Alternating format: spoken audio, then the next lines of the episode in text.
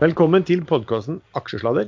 Mitt navn er Lars Blandingen, i denne sammenheng kalt Reideren, og med meg har jeg som vanlig Jalla-traderen Sven Egil Larsen.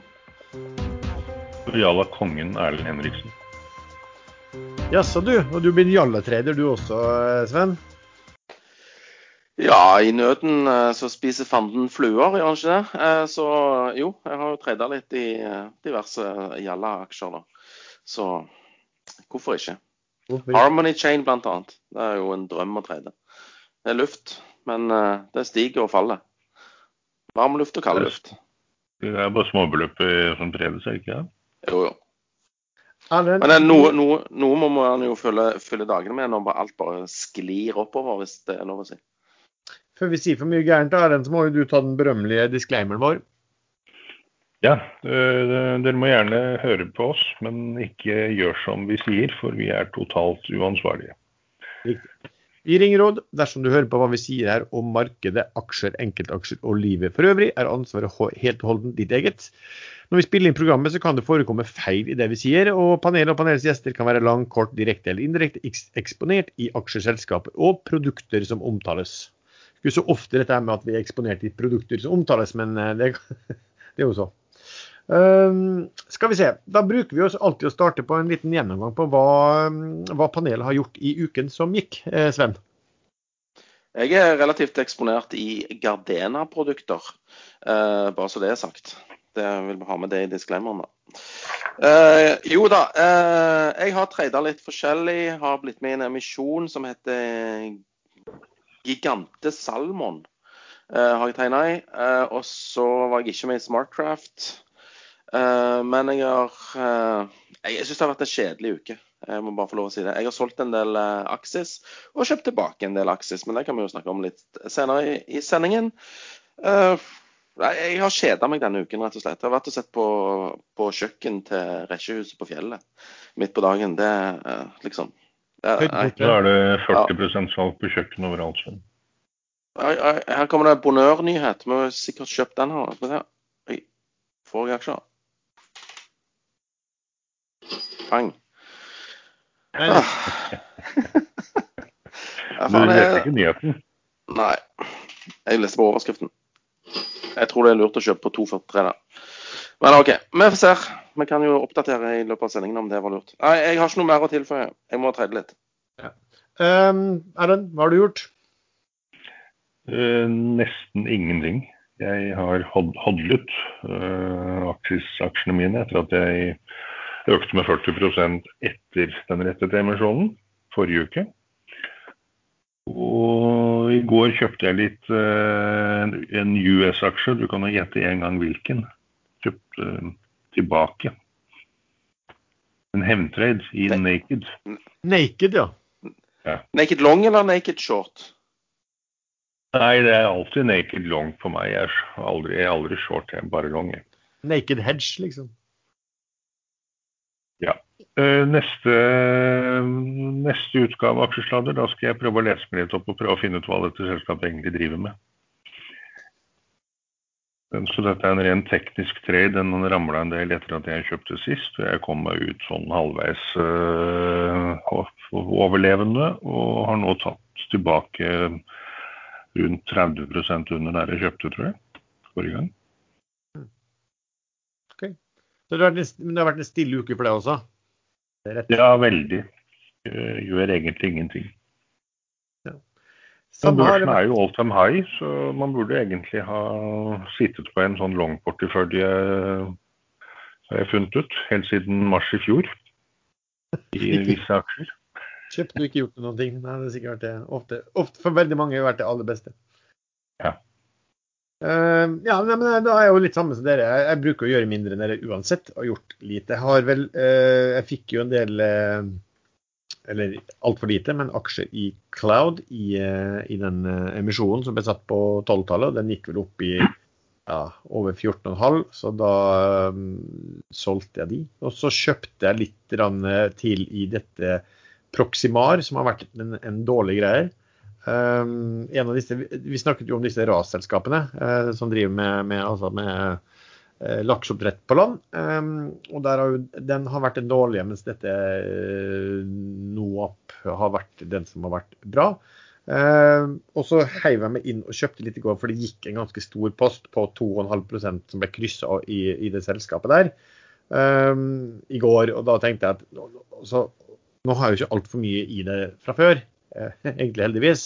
Uh, men jeg tenkte at når det ble tatt en såpass bra post, det så ut som det var et fond som hadde solgt, så kan, kunne det være interessante aktører som har, har kjøpt der. Og det har jo vært litt innsidekjøp i det selskapet også.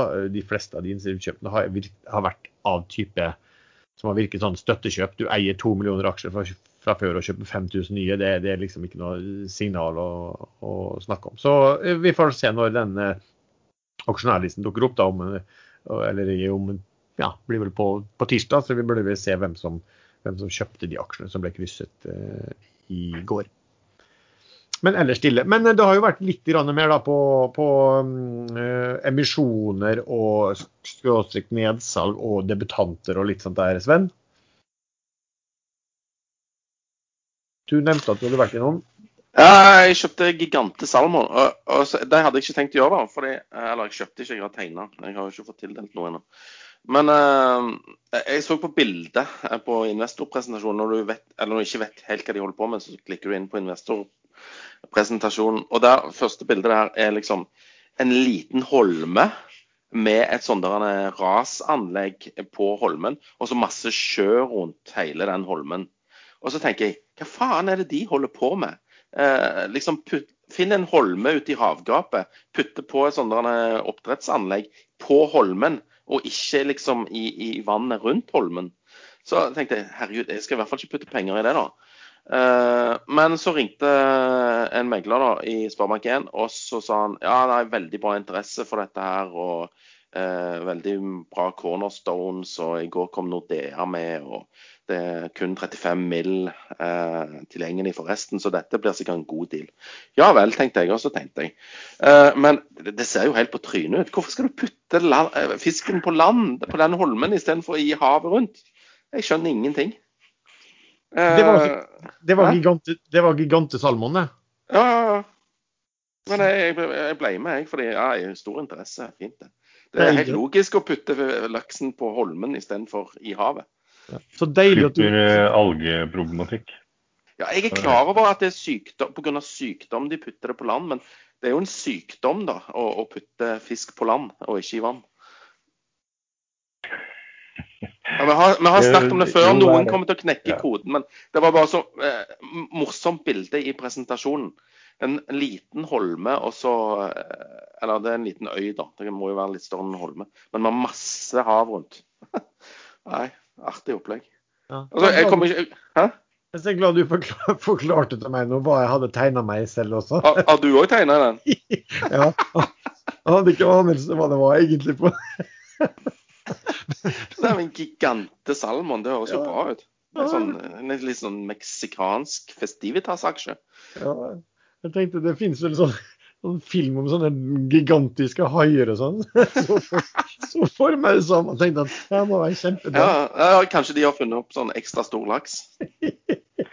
Den disklemeren vår tror jeg egentlig er ganske grei. Eh, hvorfor skal folk høre på oss når vi ikke aner hva det er vi investerer i? og men, men, vet du hva, vi skal faktisk komme litt inn på når vi skal, når vi skal snakke om et annet selskap som Sven nevnte i stad, så skal vi jo nevne en som faktisk er med i masse emisjoner også, uten å ha peiling hva, de, hva, de, hva det er for noen ting. Nei, men altså, det, det, det, hele dreier seg om er det etterspørsel etter aksjene i emisjonen. Hvis ja, er det lurt å være med? Eh, ja. Hvis nei, ikke så lurt å være med. Fordi at eh, det Altså, vi ser jo på hva som har hendt tidligere. Er det bra interesse, så er det lurt å være med. Drit i hva de driver på med. Altså, til og med Harmony Chain eh, ble jo en suksess på IPO.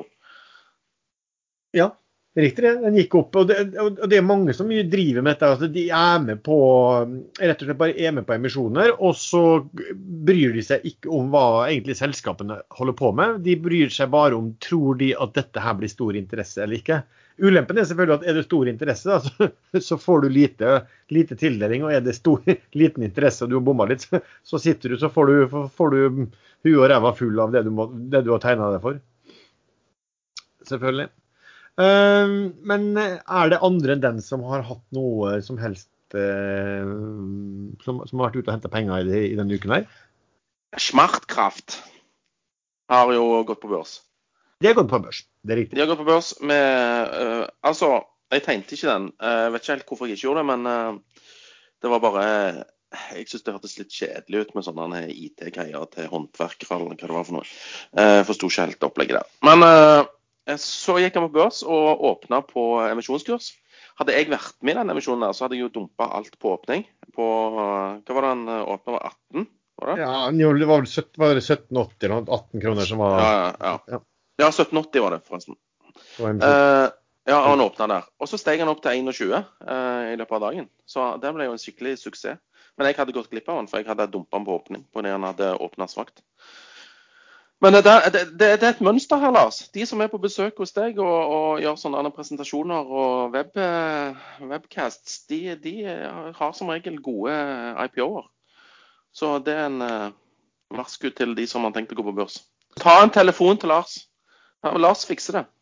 Tusen takk for Tusen takk for hyggelig reklame, Sven. Men du, Smartcraft altså, de, er jo- de gikk jo opp 20 um, Jeg kan egentlig bare, bare nevne Nå skal ikke, skal ikke jeg skryte noe, siden de er kunde, så blir, det, blir jo ikke det pålitelig uansett. Men de altså priser nå De henta sånn ca. 500 mil i emisjon, og så var det et nedsalg også på 600 mil. Eh, Og priset til 3,6 milliarder. Det, det er et softwareselskap eh, som driver med software for entreprenørselskap altså generelle altså byggefirmaer, generelle, og også mot spesialister som elektrikere.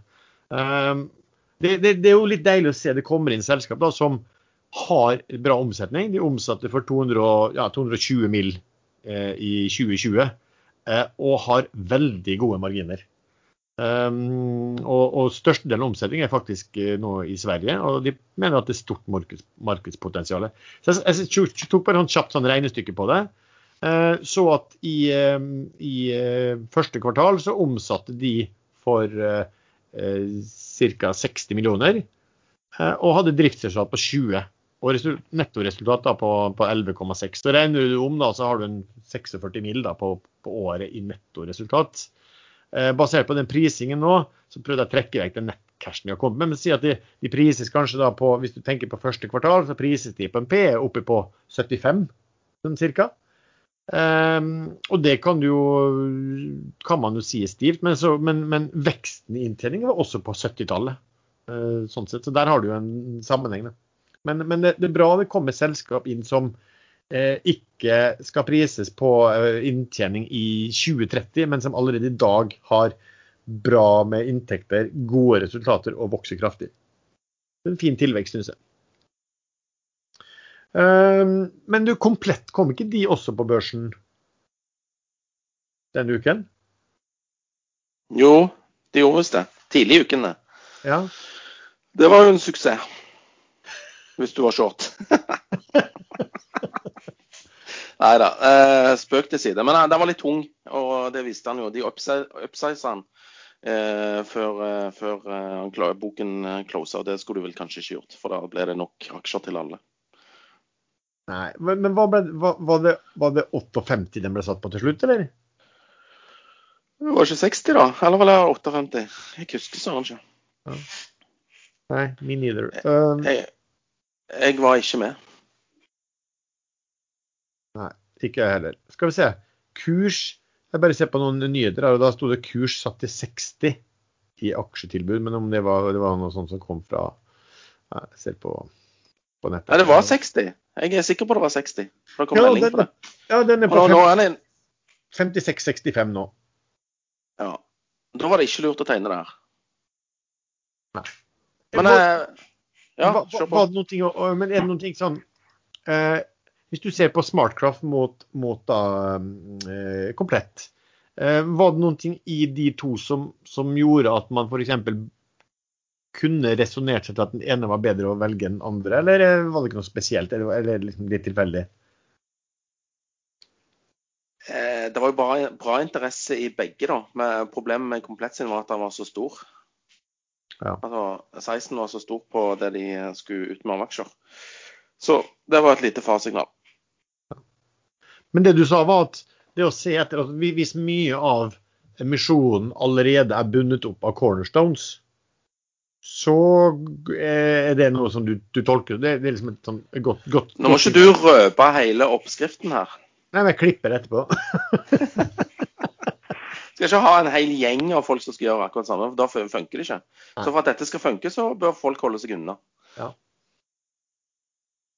Veldig bra. Uh, Erlend, har har du vært med på noe sånn eh, På noe eh, av emisjonene, eller tegna deg, eller, eller sett noe særlig på disse nye nykommerne? Nei, jeg har ikke det. Ehm, Jeg ser ikke noe som er så interessant at jeg har lyst til å ta sjansen på å låse meg i flere opptil til flere timer eller dager når eh, markedet er sånn som det er nå. Eh, All time high hver dag, og plutselig så kommer en knekk. Da er det jo ingenting som er safe. Nei, Jeg tror ikke kne knekken kommer før til høsten, altså. Nei, Jeg tror tror heller ikke det. Men, øhm, men jeg kjøper heller øh, litt i markedet. Men det dukker opp en veldig interessant emisjon, så det er klart sånn Aksis var jo veldig interessant. Eh, Den er det fremdeles. Eh, men apropos at du er litt nervøs for det, så, så var det jo en eh, oversikt Jeg er aldri nervøs. Nei, men det var, en, det var en litt interessant oversikt om det var Dagens Næringsliv eller Finansavisen, eller jeg husker ikke hvem som gjorde det, men som hadde gått gjennom eh, volumene på selskapene på Euronext Growth.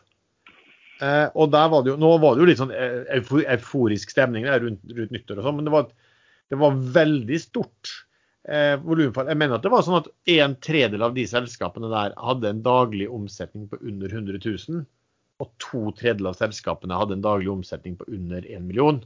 Og, de, og det er jo noen store aktører der, da, som vel var sånn, litt sånn Aker-selskap og noen andre også, eh, hvor volumet var ned 70-80 eh, fra det verste. Er, er det liksom ja, er det sånne ting begge ser på som gjør, gjør, gjør at man blir mer forsiktig? Ja, Så ser man jo at øh, det kommer det en news i et av disse selskapene, så selges det noe ned med en gang. Eh, Det er liksom ikke noe moro lenger i år. I fjor kunne man jo kjøpe opp en news og doble på neste. Det er helt slutt. Men det kommer plutselig tilbake. Eh, Nå blir jo Nå har vel folk kanskje framskyndet konklusjonen litt raskt. Eh, Det ble ikke enighet om eh, infra, infrastrukturpakke i USA i går. Det ble enighet om med en gruppe demokrater og republikanere om å ta en, et forslag til Kongressen. Som da sikkert vil bli endret og tilpasset noe i Kongressen, og så skal det endres og tilpasses en gang til i Senatet for kanskje å gå gjennom. Men at det kommer en infrastrukturpakke og, som vil inkludere mye renewables og satsing den veien i løpet av året, det er banna bein. Så den, den kommer. Mm. Og det vil trigge mange av disse selskapene en gang til, tenker jeg. Men du eh, Han er, han er Ja. Ja, jeg må bare ta Apropos de der selskapene på Jørnesk Grøt, så da eh, ikke omsetningen. Eh, han eh, Hovedmegleren min i Pareto ringte meg her forleden, og så sa han ja, gjør du noe? Jeg vil kjøpe den der Cirka eller noe, sier han. Jeg mente han var bra greier. Og så kom han inn på eh, å kjøpe Prime, kanskje. Prime. Altså, er det den Agilix, sier jeg. Nei, nei, de holder på med noe sånn eh, søppelgjenvinning til Eller plastgjenvinning til, til, til sånne syntetiske greier. Og så slo jeg opp den der Prime, da. Jeg har glemt den ut, at den i det hele tatt var der. Det var ingen omsetning i den. Det er altså kanskje et par hundre aksjer til dagen. Det var helt, helt tørka inn. Mm. Den har gått i, i glemmeboka, rett og slett, til alle, inkludert meg. Så det er et bra bilde på Det var veldig hot, den sektoren der, at de skulle liksom eh, bli kvitt plasten, og så skulle det komme noe vettugt ut av det. Men eh, interessen er, det ser du på Quantafuel òg, interessen er dalende. Men så kan du plutselig snu igjen. Også. Det snur plutselig. Nå kommer jo akkurat Lego ut med de første brikkene laget av resirkulert plast, og det er vel da Kvantafugl som er leverandør, tenker jeg. Det eneste som var drit med de, er at de ikke passet sammen med de eksisterende brikkene, som var lagd av skikkelig plast. Nei. Nei, Det er jo smart av Lego, da. Det er, det er jo for at alle skal bytte ut. Ja, man må bytte ut, må bytte ut alle de gamle. Og, Ja. og da kaster jo Du alle de gamle brikkene Du, rett i du er miljøsvin hvis du sitter på masse sånn gammel Lego nå. Du får en, le, le, du. Du får en legobrikke som er rund, liksom. Vær så god, bygg den sammen med de andre.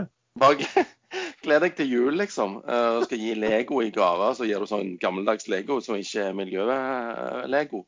Da får du den i hodet, tenker jeg, av de der opponerende opponerende smårollingene. Ja. Men det var, en, det var et sidespor. et lite, lite Men du Sven, nei Erlend, du, du, ble jo da ringt opp av uh, Fed-sjefen, faktisk.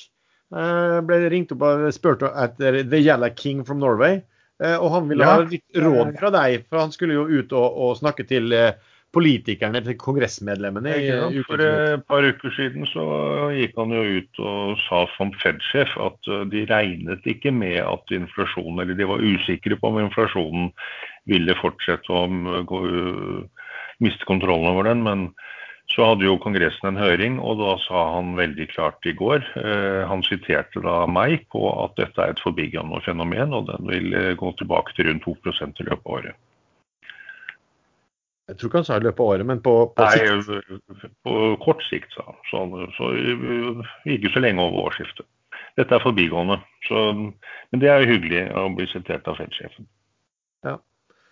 Og da Han ble jo også spurt liksom om, om, med all den pengetrykkinga om de ikke hadde risikert å gå tilbake til sånn 70-80-tallet med 10 inflasjon. Og da sa han vel at det var svært, svært, svært lite sannsynlig. Um, på det også. Uh, og, det er jo, når du så på de siste inflasjonstallene, så, så, så ser man en ganske mye midlertidige effekter. da.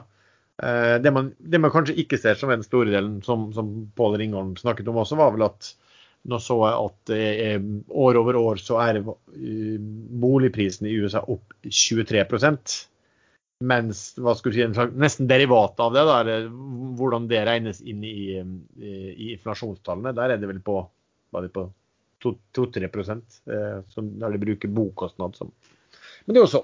Men, men, men, men, de oppfører seg ikke som vanlige sentralbanker lenger, Fed. Fed er liksom den stygge andungen her nå. Så, altså, her i Norge regner vi jo med at renten skal opp nå i september, og det gjør den sikkert òg. Eh, men sentralbanken i Mexico eh, de satte jo opp renten i går, var det vel? Eh, Pga. høy inflasjon. Og de brydde seg ikke så mye om om man var midlertidig eller ikke. Fordi inflasjonen der var rundt 6% så det blir feil å, feil å sammenligne Fed med slike andungen. Du må kalle den eh, gjøkungen. fordi gjøkungene de vipper da de andre småfuglene ut av redet. og bryr seg det, det, det er riktig. De er på andres bekostning, liksom. Så nei, Fed gjør mye rart, men setter sette opp renten, det hadde de ikke lyst til. Og så skal jeg En liten illustrasjon på dagens marked. Der kom jo en bull-nyhet på Bonheur der, at de gikk sammen med Vattenfall for å være partnere på noe offshore vind ut forbi Skottland. Jeg kjøpte på 2,43. Det er ingen interesse. Han ligger 2,41,5 til 2,42,5 nå. Er ingen interesse å ta på gode nyheter. Helt flat. Ingen interesse. Det er jo også sommer nå, så det, det er liksom kombinasjon av mye. Sommer på, på papiret, ja.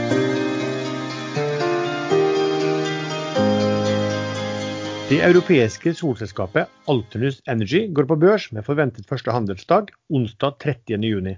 Selskapet hentet denne uken 70 millioner kroner i friskapital fra private og profesjonelle investorer gjennom en emisjon som ble betydelig overtegnet. Alternus er et raskt voksende fornybarselskap som foreløpig fokuserer på solenergi.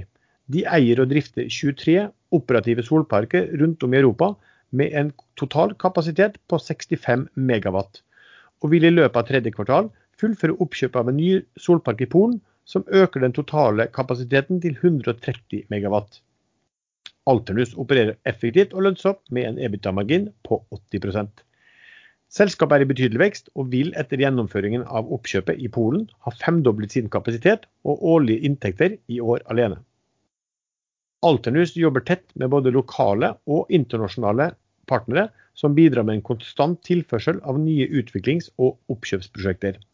Selskapet har ambisjon om å vokse tigangeren innen utgang av 2023, og har allerede kontraktfestet 1,4 gigawatt med nye operasjonelle prosjekter. Innen utgangen av dette tiåret har Alternus ambisjon om å bli en av de ledende aktørene innen solenergi i Europa. På onsdag kan du altså ta del i deres vekstreise ved å handle aksjen på Euronext Growth Oslo.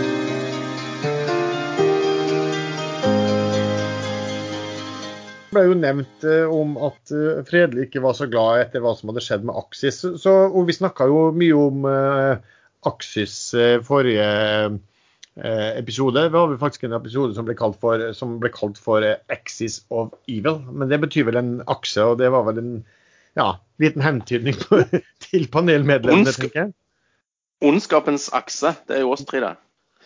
Der jeg kanskje er den ondeste i manges øyne. Ja, jeg, jeg, så, jeg solgte meg jo litt ned i Eller litt. Solgte 75 totalt eh, av eh, aksjene jeg fikk tildelt i, eh, i Aksjene jeg fikk tildelt i Axis.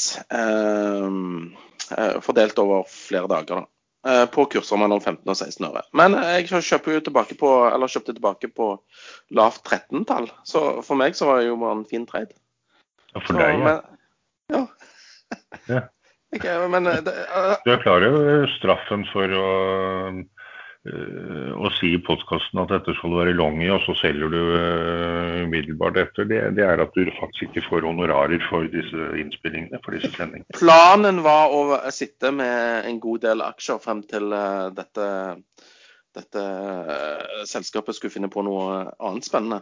Og, og det er fortsatt planen. Det er jo derfor jeg har kjøpt tilbake på 13,2. Men problemet mitt det er jo når han eh, Fredelig selger 100 millioner aksjer eh, på torsdagen, og vi tror at han ikke har solgt, eller noen av de store ikke har solgt, og så plutselig så dukker Skorstad òg opp som selger. Så Ja, men nå skal jeg være litt streng mot deg, for det visste ikke du før på mandag, men du solgte allerede litt på fredag. Men nå har jeg kjøpt tilbake og er happy med posisjonen.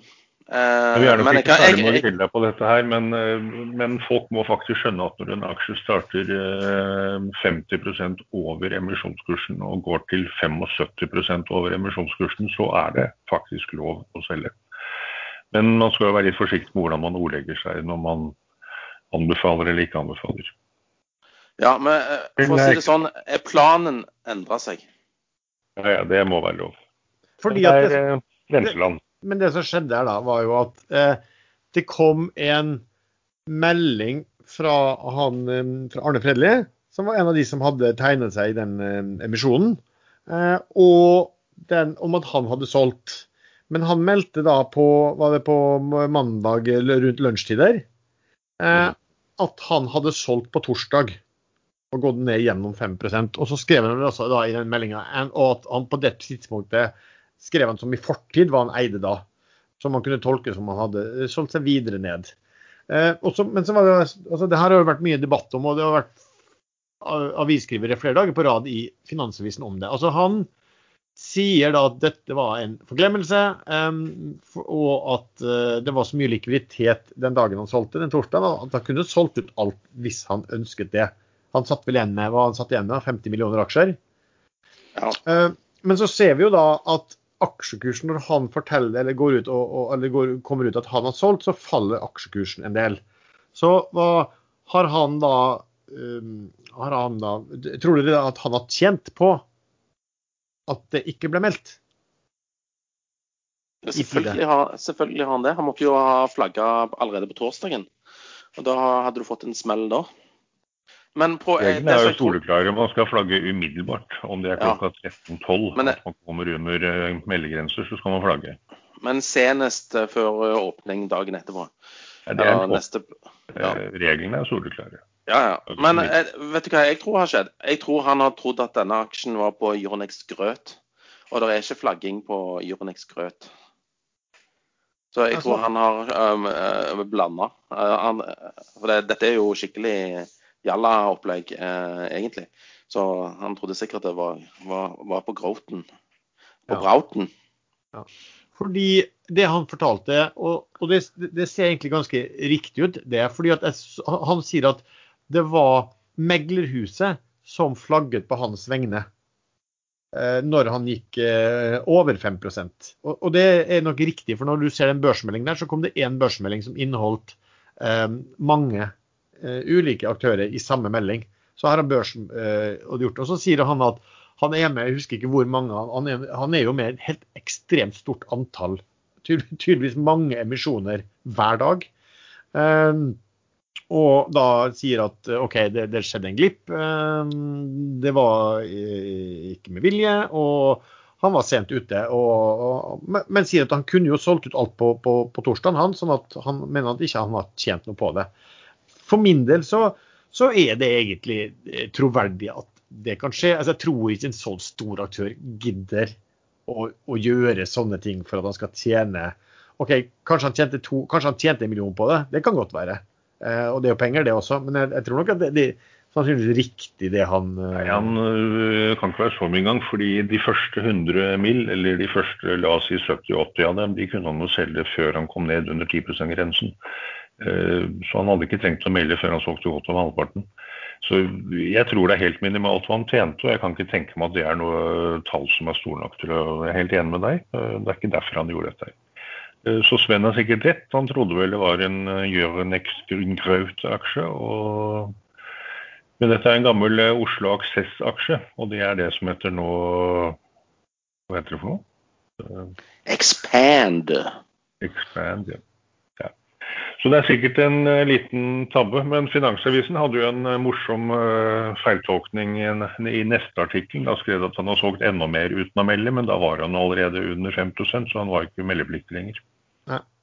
Jeg syns at Fredelig bør melde alt han foretar seg, sånn at vi kan kopiere han. For han er en veldig flink fyr. Han burde egentlig fått seg sånn han er Nordnett Hva heter det da når du følger folk som handler aksjer? Sånn Han burde vel hatt sitt eget realityshow, som Kardashians? Nei, det tar litt langt. Hva heter det denne greiene på Nordnett? Der du kan liksom følge enkelte tradere? Ja, Shareville, ja, heter det vel. Ja, Shareville, ja. Jeg, jeg, jeg syns vi skal ta, ta, en telefon til Monaco der og spørre om ikke han kan opprette sånn Nordnett-konto med sånn Shareville-kobling. Så han kan se realtime hva han holder på med. Hva skulle vi si? Fredelig hadde vært en fin gjest. Da må vi få inn hit. Hva, hva sa du? Fredelig hadde hatt en fin uh, gjestekommentator på, ekstra, på Aksjesladder. Rent bortsett fra at han snakker litt rart. Altså, rart rar dialekt. han snakker sånn som Lars, gjør han ikke det? Jo, og to av det. Tenk deg det. Uff. Ja, fy for meg. Altså, men det, det, som da skjer, er at når han eh, selv, Han påpeker jo i dag, han er jo litt irritert i dag, for han har, har fått oppslaget for tredje dag på rad i, i um, Finansavisen. Og, og, og, Finansavisen har jo da påpekt at aksjen falt mye etter at han eh, meldte og, og, solgte. Og da han vel, meldte han vel tilbake til, til til journalisten i Finansavisen at etter all drittet du skriver, er det ikke rart aksjen faller. Um, var vel noen ting han så. Men det jeg kan si ellers, da. Nå har jeg sett på den aksjonærlisten der, eh, og det er riktig, Skorstad har da solgt litt. Og, eh, Men han stoppet, på, han stoppet på 100 mill., så jeg. Han har 100 ja, mill. aksjer igjen. De, de stoppa vel over 5% både han og han Lundqvist som solgte litt. Eller Jo Lundqvist, jeg er litt, litt usikker på det. Christian Lundqvist, om han, eller om han uh, var gått ut, eller hvordan det var.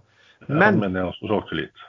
Ja. Men eh, hvis, når vi begynte å snakke om det, så var jo mitt poeng at her var det eh, veldig mange av disse magno, tunge eh, Magnoro-aksjonærer som hadde tatt. Ingen av de har solgt.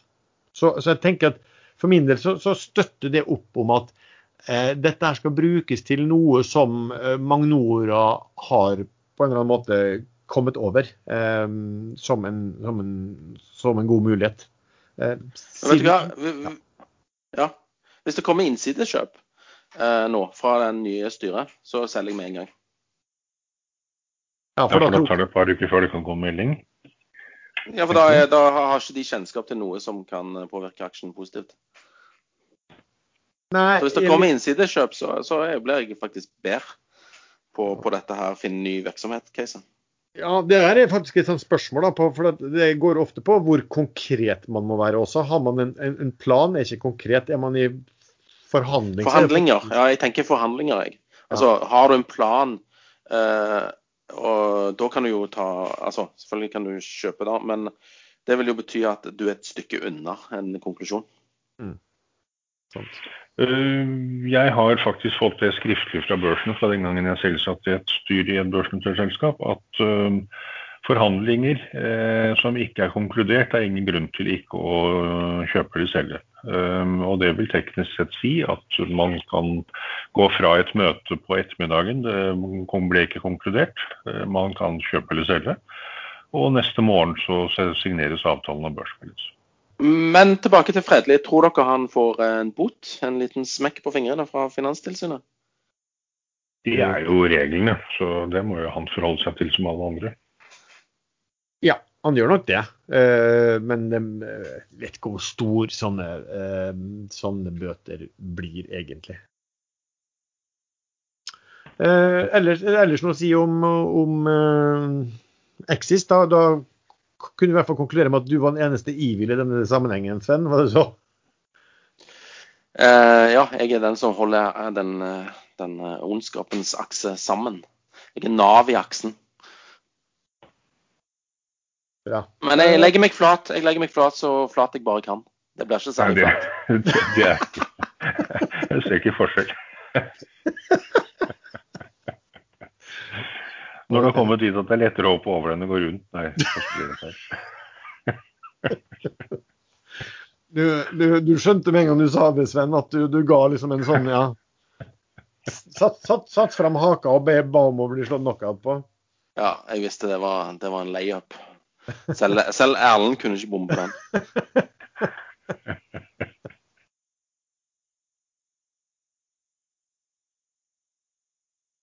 Vi har jo snakket litt om uh, Norwegian, vi kan jo komme inn på det før også. Nå, nå, kom, nå, nå den, den regulerte vel faktisk 20% for det kom, uh, kom et par bull-analyser fra um, DNB og ABG. Men så er det vel også, kom det vel også noen nyheter om noe, var noe, var noe krav fra myndighetene, Erlend, eller hvordan var det du som følger med?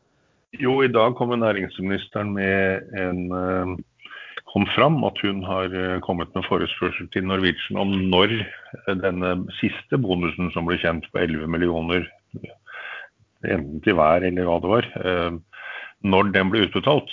For de har jo fått mye støtte av staten, og da var kravet fra staten at fram til og med 25. mai, eller fram til 25. mai, så skulle det ikke utbetales bonuser eller den type ting. Og Norwegian har kun sagt offentlig at dette ble utbetalt i mai, så her eh, sitter jeg med en sterk følelse at Norwegian har bomma litt. Ellers hadde de vel umiddelbart gått ut og dementert dette, her, så nå sitter vel noen advokater og strikker sammen uh, et uh, svar. det vi andre kaller løgner, som de pakker inn pent på en penest mulig måte. Og det kan jo bli ganske alvorlig. sånn Konsekvensene om staten kan kreve penger tilbakebetalt eller ikke, det vet jeg ikke. Men det, er, det, er, ikke bra. og Norwegian har jo også ikke innbetalt CO2-kvoter for i fjor. Der kan det komme et krav på flere hundre millioner kroner. Og det ligger et gammelt skattekrav mot Norwegian på rundt 800 millioner, var det vel. Og der kommer det jo renter og renter, renters rente på det, hvis de skulle tape det. Så, så, det ligger en del sånn grums i luften rundt Norwegian akkurat nå. Og plutselig så ramler disse brikkene ned på feil side, og da er det mye penger som forsvinner ut. Ja, Men du, eh, nå kom det faktisk akkurat en, eh, en, en, nyhet, en artikkel fra mm, E24, som har snakket med eh, Norwegian. Eh, hvor styrelederen sier at eh, de omstridte bonusene eh, da på noen og 20 millioner, de ble utbetalt på fredag. Og den siste delen, første delen ble utbetalt på fredag, og den andre delen skal utbetales i juli. Fredag, eh, dvs. Si i dag? I dag, ja. 25. juni.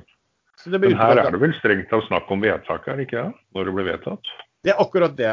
Eh, fordi at eh, det står da altså av eh, eh Reglene er jo da at eh, regjeringen hadde en et, et forbud på bonusbetalinger eh, for de som eh, for at de skulle få et sånt statsgarantert lån, så hadde de et, et, et forbud på bonusbetalinger.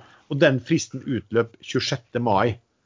Eh, men, men det... hvis du leser, leser, litt lenger nede i, artikkelen, Næringsdepartementets juridiske rådgiver advokatfirma Wiersholm sendte et brev til Norwegian styre der hun bl.a. krevde å få svar på når bonusene ble utbetalt. Det ble utbetalt i dag og i juli, litt senere i juli. Hvis det er utbetalt, så er det jo home free. Ja, hvis det er utbetalingsdag og ikke beslutningsdag. Um, det virker jo nesten litt rart at det ikke er beslutningsdag, spør du meg. Ja, jeg syns det. Nei, jeg er litt uenig. Også, her må man jo også ta hensyn til at journalistene ofte bommer litt på uttrykkene de bruker. Det kan godt være at Wiersam og bedt om vedtaksdato, men at journalisten skriver utbetalingsdato. Men hvem vet? Jo, men, men hvis dere husker litt i fjor òg, så, så, har jo Finanstilsynet dere fått lov å dele ut utbytte til bankene. Eller eh, tenk dere grundig om. Eh, og da var det en del som sa at de vedtar utbytte, men de har ikke vedtatt utbetalingsdato ennå pga. Eh, Finanstilsynets eh, merknader. Det var enkelte da som eh, hadde vedtatt utbytte, men de utbetalte det ikke før lenge, lenge etterpå. Mm. Men forskjellen, ja, jeg ser den, men forskjellen her er jo at, uh, at uh, Norwegian har, en, har, hatt en økonomisk gevinst av ikke å gi bonuser. Så, men det kommer, kommer, sikkert an på så Det blir jo uh, ordlyden i det hele, da. hva som måtte, måtte, stå der. Um, sånn sett. Det blir advokatmat, og advokatene må også leve. Men Norwegian har hatt en fin de har hatt en fin runde denne uken som gikk. Jeg vet ikke hvordan den, den ligger i dag. Uh, den, jeg syns jo faktisk ganske kraftig i starten, men har gått opp igjen. Ligger på 11,43 nå. Ja. Så nå jeg jeg syns egentlig ja, egentlig de der to uh, i, i, ledelsen, der, Skram og, og Karlsen, fortjener hver krone av den der bonusen. Jeg syns bonusen egentlig er for liten. Look to USA, liksom. Der hadde de vel fått 110 millioner, ikke 11. Men det er litt viktig å få fram at det de ansatte og foreningene til piloter og kabinansatte osv. klager over, det er ikke høyden på bonusene. Det er at kun ledelsen får bonuser eh, hvis det går bra. Eh, de ansatte er ikke tilgodesett med annet enn eh, en knapper og glansbilder, og det, det syns jeg ikke er bra. Det var veldig sosialistisk tankegang her nå. Jeg syns jo at de eh, som har vært ansvarlig for Nei, dette Du kan heller kalle det kapitalistisk tankegang. Eh, for å drive et firma godt, så må man få, ledende, må få de ansatte til å føle, føle, eierskap til bedriften. Og da må man også ha noen eh, mål å strekke seg etter. og Oppnår man de, så skal man få klekkelig betalt.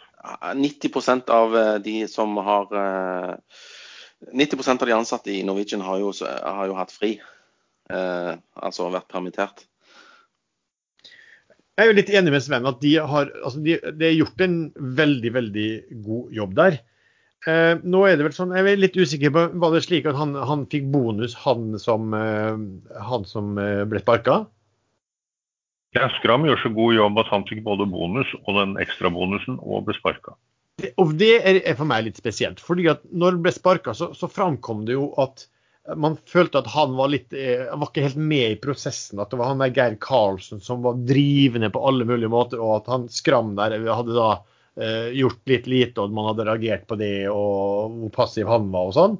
Og så får han også en sånn eh, eh bonus. Og det er litt sånn spesielt. Eller som jeg sier som om bonus, så jo, det er greit å gi bonuser til toppledelsen på prestasjoner, men ofte så er det sånn at eh, de får jo ja, bonuser og opsjonspakker nesten uansett. Så, så et, et, selskap som går helt elendig, eh, og kursen faller 70% da dukker de opp, og så skal de ha opsjoner på den, på den lavere kursen, fordi at nå har de ikke noe insentiv lenger. Og så, og så, får man av og til bonuser. altså Du kan få bonus fordi at du har flaks fordi at oljeprisen går, f.eks. Absolutt alle oljeselskap går, og så ender du opp med at uansett hvor, hvor, hvor udugelig du er, så på et eller annet tidspunkt så får du en eller annen ordentlig fet bonus i tillegg til lønnen din. Det syns jeg er veldig lite om, og det er det altfor mye av. For jeg får ikke, lø får ikke lønn engang, jeg. Ikke bonus? Jeg, da. ikke, I hvert fall ikke bonus. Altså, jeg får ikke lønn. Hvordan skal jeg da få bonus? Ja. nå blir det jo snart uh, en ny regjering med Rødt og MDG som største partier, uh, og Senterpartiet. Og da blir det vel fratatt selskapet ditt. Da blir det ekspropriert. Det blir sånn statsselskap? Ja. ja. Får jeg lønn da, tror du? Nei, jeg har minstelønn. Tariff. ja, da, det er tariffen.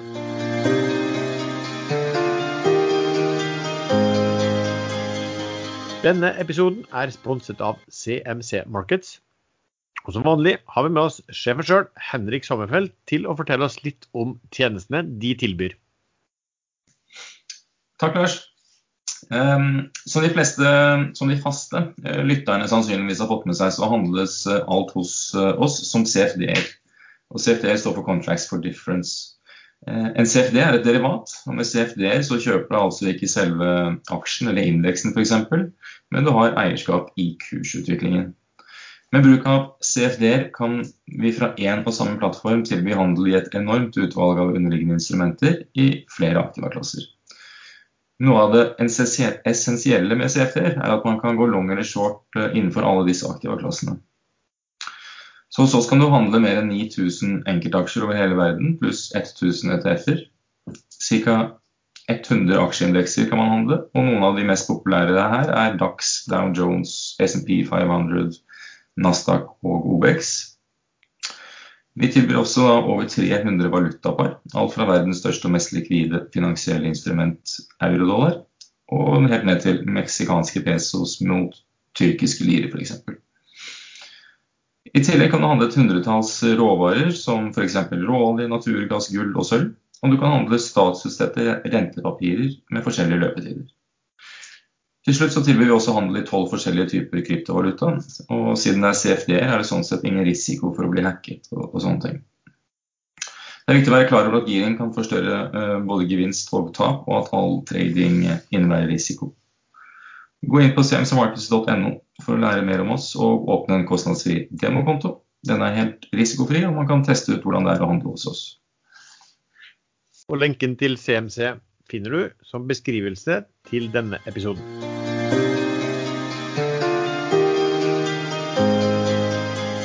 Så skal vi si litt om, om øh, oljeprisen, som durer på.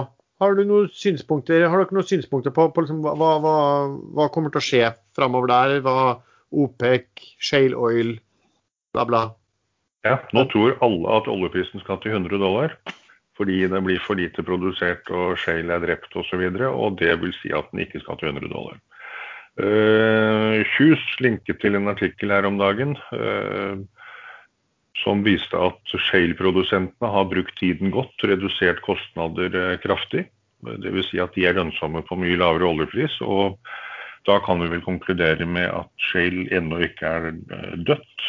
Eh, og at Biden har satt et, et moratorium på å utdele nye lisenser, det forhindrer ikke at det ligger tusenvis eh, av uboret eh, tildelte lisenser rundt omkring i Shale-landet i USA. Så jeg tror det plutselig kommer mye mer olje på markedet. Og så Jeg har jo veddet tre kasser vin på at oljeforbruket aldri skal over 100 millioner dollar i dag. En kasse med tre forskjellige. Hva mener du? Det, du, du? du, må avsette de kassene i regnskapet ditt, for den kommer du til å tape så du synger etter. Ja, men jeg må bidra litt uh, selv her. Jeg må finne på et eller annet som gjør at oljeforbruket aldri kommer over 100 mil per dag igjen. Så jeg skal kjøpe solceller og ha på taket. Bytte ut hybridbilen min til en ren elbil. Og så skal jeg punktere dekkene på alle dieselbilene jeg ser. Så er vi litt på vei. Og så håper jeg på en, da, en Nei, det, det tør jeg ikke å si Jeg Glem det. Men du, det, du også, det, du kan også, være, Erlend, er å være en kranglefant her du kan si det at nei, det finnes ingen eh, statistikk som måler oljeforbruket um, klart. Her, mye av det de påstår er oljeforbruk, skal du bare si er nei, nei, nei, det er bare uh, lager i Kina og Japan og Asia og ellers hvor det måtte være. Men det, er, det strider mot min natur å være en kranglefant. Det klarer jeg ikke. Nei. Det blir helt stille. Men du, eh, nei, nei, Hvis man vedder, så må man ta tapet som en mann. Så jeg har, jeg har, allerede begynt å trene. Jeg var på polet nå forrige uke og kjøpte da en kasse vin for å se hvordan det funker. og den er du godt nedi? Ja, det, var, det var kassen igjen, skal vi si. det er noe galt. Jeg tror det er noen feilleveringer her. Hull i flaskene. Hva tror du om oljeprisen da, Sven? Jeg tror han skal Jeg tror at OPEC nå faktisk endelig har klart å få kontrollen på, på prisen. Sånn at eh, de kan styre den litt sånn som de vil. Så Derfor kommer de til å øke litt nå på neste møte eh, med, med, olje ut i august. Eh, og så passer de på å holde den Jeg tipper rundt, rundt der han ligger nå, rundt 75. Det tror jeg veldig mange er veldig fornøyd med. Til og med her i Stavanger så jubler vi over 75. Ja. For, for OPEC, har, Ja, altså Når ting gjenåpnes, så kommer det jo til å bli forbrukt mer. og de store analysefirmaene sier jo at uh, vi skal tilbake til 2019-nivået uh, tidlig neste år. Så nei, jeg tror den spøker for de uh, vindkassene dine. Ellers så så jeg Chevron i går meldte at de i hvert fall ikke skulle satse på fornybar energi. Så det ble jo den skikkelig stygge andungen. I, nå, nå fikk jeg lov å bruke andungen. Gjorde ikke det? Ja, ja. Altså- nå, er det, nå greit. Ja, nå er det greit. Ja, ja. Uh, Så jeg har lyst til å kjøpe Chevron nå. Eh, Fordi at de kommer til å tjene grapsen penger. Ja, for de ser ikke kynisk på at de, de, at de har, vil få bedre avkastning på egenkapitalen. Det er vel bare det de ser på. Ja, de, de, de sier jo at det er jo ikke marginer på disse grønne prosjektene, så de satser alt på, på brune og eh, sorte prosjekt. Eh, Så, så hvis du skal ha avkastning på egenkapitalen, så må du kjøpe Chevron og ikke disse her eh, grønnvaske-oljeselskapene. Så- så- Altså, jeg, jeg synes at Har de en annen eierstruktur, da, i og med at de kan tørre å gå ut og si det? Har de ingen store fond, eh, eh, protesteiere som kan velte styret på en generalforsamling? Jeg vet ikke, men de var sikkert ganske onde, de eierne. De store eierne. De er sikkert ganske slemme. Møtes sikkert i skjul en eller annen plass. På et uh, hemmelig sted. Det var dagens konspirasjonsteori. Det er vel, det er vel sånn uh, sikkert veldig uh, ja, fragmentert eiersits der også, med, med fond som ligger bak nominis og bla, bla, bla, som eier der, tenker jeg. Som, som i andre store. Men, men kan ikke noen starte sånne slemme fond? Eller finnes det allerede? Ja, Wise-fond, liksom. Sånn som altså med, med, med litt miljøforurensning og olje og våpen og litt sånne saker. Ja, ja, skikkelig sånn onde aksjer. Altså sånn slemme aksjer. Jeg tror det er et mar marked for det, for det er ganske mange slemme personer i verden. Ja, jeg skulle akkurat si Så at, og, og mange av de slemmeste har òg veldig mye penger. ja, jeg skulle si at du høres ut som det tiltaler deg veldig mye. Så hvis det finnes mange som deg, så er jo det et bra, bra marked. Ja. Jeg, tror jeg må bryte inn her med en liten disclaimer. At uh, Sven er en utdøende rase. Uh, verden går i retning grønn, og disse gamle fossilforkjemperne de, de, de, kjemper en tapt kamp. Um, så MDG, tusen takk for at dere kom. Jeg er ikke veldig glad i alle i persongalleriet deres. Men dere står på en god sak og tør å stå på meningene deres. Og det er det ikke så mange andre partier man kan si det samme om. Jeg tar veldig avstand fra min medpanelists eh, politiske ytringer her. Det er fordi du bor i Stavanger, du er programforpliktet. Du, du får jo bank. Du blir sånn spissrottgang på deg hvis du går ut uh, etter å ha sagt noe pent om MDG eller uh, noe negativt om oljen. Sven, det her var jo, det var jo ingen politisk ytring fra Jarlakongen. Det var en sosial ytring. Altså dette, han sier dette for han skal dra, det, dra nytte av de kommentarene i sosiale lag med det andre kjønn. Ja, jeg skjønner, jeg skjønner jo egentlig derfor. egentlig så er han en kynisk spekulant som eh, går over livet Ja, må- for eh, avkastning. Jeg må komme med en liten innrømmelse der. Den store tabben jeg gjorde da jeg var ung, det var å ikke bli med i alle disse protestgruppene. Det fantes jo mange av dem allerede da jeg gikk på ungdomsskolen og videregående. Og det var jo der alle de pene damene var. Men vi går videre. Men det er jo, det er jo interessant at OP altså, det, det var vel en, en veldig sånn kjent oljemann som sa at eh, sånn historisk sett, så de som, de som skal estimere framtidig oljepris, har liksom de, fram, de fikk sauer til å framstå som svært intelligente vesener. Så her er det jo det er alltid mange alternativ, særlig på tilbudssiden. her da, Hva skjer med Iran? Eh, OPEC har jo masse ekstra olje, selv om de plutselig har skjønt litt kanskje om priselastisitet og det å være tilbakeholden. Men det er jo shale igjen da, som er spørsmålet hvor man, mange kanskje konkluderer med at nå de, vil de være veldig tilbakeholdne. Men framover nå så kan det være greit. Jeg ser den rig count som kommer hver fredag. altså Baker Hughes rig count meldes hver fredag. Da, da kan man se hvor mange endringer i, eh, i oljebårende rigger på land i USA. Hvordan det endrer seg fra uke til uke. Eh, og hver av de to siste ukene har det økt nå med, med 2 eh, Noen spiser taco på fredager og, og drikker rødvin, mens eh, andre sitter og ser på riggtellinger fra Baker Hughes. Kommer litt ut på kvelden òg, den, eh, Lars Jørgen. Ja, Kose, kose deg. Eh, Ukas høydepunkt for deg, det. Ja, ja, ja, du gal. Sant? Da, da, da man spretter Men flaska, liksom. eh, når vi snakker om OPEC eh, i det stille, så surrer det nå en sak som er vedtatt vel allerede i Kongressen, at eh, OPEC skal etterforskes, eh, behandles som et kartell. Og det går jo, syns sakte gang gjennom rettsvesenet i USA, vil jeg tro nå. Så plutselig en dag så kommer det sanksjoner mot OPEC-landene pga. kartellvirksomhet. Nei, de har jo vært et kartell siden de ble starta. De skal jo Jo, men kartell. eh, det, det nye nå er jo at dette er vedtatt i Kongressen i USA, at dette ikke skal få vedvare. Ja, OK. Vi får se hva som skjer. Jeg tror uh, dette går helt greit. Det har gått veldig uh, greit tidligere, i hvert fall når USA var veldig avhengig av olje. Men uh, når det gjelder den Shale-greia, heldigvis så for oljeprisen da, så har du en som heter Biden som styrer. Og han er jo litt sånn mot sånn fracking og sånn, så det, jeg tror dette går helt fint. jeg. Ja, vi får vel se. Det er vel på føderal land han har sagt at det, jeg, tror vel sånn som Erlend at det finnes mer enn nok steder å, å, å bore. Og de hadde vel også båret mange brønner som var ferdigbåra, men som ikke var flekket, eller da som, som, som nesten var et sånn varelager. Jeg vet ikke Jo, hvordan det men det, det, det blir bare i Texas at de tillater dette her. Eh, Resten er jo er- litt sånn grønne. Kun, Kun på føderalt land nye lisenser som ikke blir gitt i Biden-administrasjonen. Det som allerede var tildelt, eh, det kan de gjøre hva de vil med. Og rett før denne nye regelen kom, som alle visste ville komme etter at han vant, eh, så ble det søkt om enormt antall nye lisenser og tildelt. Men for de miljøbevisste så er jo det slik at det aller beste som kan skje, det er jo en høy oljepris. Eller hva? Det er vel ingenting som dytter eh, alternativ bruk da, eh, så raskt som at om, hvis oljeprisen blir høy. Ja, jeg liker det jeg hører nå.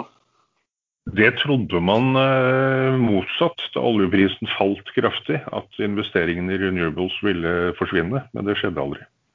Så det ser ut som at det er to helt forskjellige markeder, hvor det ene ikke bryr seg noe særlig om det andre. Ok. Ja. Teoretisk sett skulle det ikke være sånn, men det kanskje er når du får mye myndigheter og mye støtte og mye kapitalmarked som skal dytte i den i den og den retning uten å bry seg om kanskje avkastningen på kapitalen, så blir det sånn. Men, men, men mens vi snakker om ting som synker, fikk dere med dere disse Ocean Sun sitt anlegg i Albania som de har sammen med Statkraft? Det er sånne Ja, det sol, sånn, sol, eh, solpaneler på, på vann. Subsea-solpanel, cellepanel ble det. Ja, og da sank eh, aksjekursen òg. Eh, rart hvordan ting henger sammen. Men de har ikke funnet ut av, av årsaken til det der ennå, hvorfor, hvorfor det sank. Var ikke det noe sånt de meldte da? At det, Nei, de, det de, de, de kom en melding i går, eh, var det vel, at de fortsetter å lete etter grunnen til at det plutselig eh, ting som er tyngre enn eh, vann, og at større tetthet enn vann, plutselig sank. ja. Så ja, nei, jeg vet ikke. Kanskje, kanskje det har noe med fysikk å gjøre. Sven, du har hørt om eh, båter? Jeg har hørt om båter, ja. ja. Jeg har skjønt hvordan det virker. Du har sånn, du, du, et hulrom der. Men hadde du bare hatt massivt stål, så hadde jo båtene sunket. Jo, men de har noen pontonger og noe greier på disse anleggene sine. Det er sikkert en konkurrent som har stukket hull på en pongtong for å få dem ut av markedet. Nå har det jo gått 14 dager da, siden, siden det der skjedde. og så hadde de ikke funnet, altså, Det er vel sånn at de skulle bygge flere sånne, eller ha flere sånne flytende eh, solanlegg i Albania. Så det er vel kanskje et spørsmål også hva skjer med de som man allerede har plan om, hvis det er Ja, et større problem. Jeg, jeg bare tenker, altså, Dette var vel en mer en eh, flatt område, en dam i Albania. Jeg vet ikke om det var mye bølger der, men jeg tviler. Og De har jo ytre ønske om å putte dette her i Nordsjøen, og der er det jo litt bølger av og til. Så nei, jeg vet ikke. Jeg er litt skeptisk hvorfor du skal legge dem de på, på Nye havoverflaten. teknologiene vil alltid ta tid Ja. før de er eh, helt safe. Enig i Ja. det. Men Og så er det mye mafia nede i Albania. For jeg har sett en del filmer, og der er det mye sånn der han er- fra Tropoia og sånn. Eh, Der Marco fra Tropoia. Så eh, nei, det, er, det kan være sabotasje. Det er ganske artig verden vi lever i, liksom. Her skal vi putte fisken på land, og så hiver vi solpanelene på sjøen. Det er logisk. Logisk verden. Men uh, man ser litt på Shell har jo kommet med en eh, Siemens var det kanskje, eh, med en eh, strategiplan på havvind og litt forskjellige andre typer anlegg til havs. Eh, Og de skal kjøre pilotanlegg fram til 2030. Eh, mens de vi putter pengene i på børsen, de har jo gitt et inntrykk av at dette er noe de starter opp med i morgen. Eh, så dette tar mye lengre tid enn vi tror. Men plutselig så går det fort.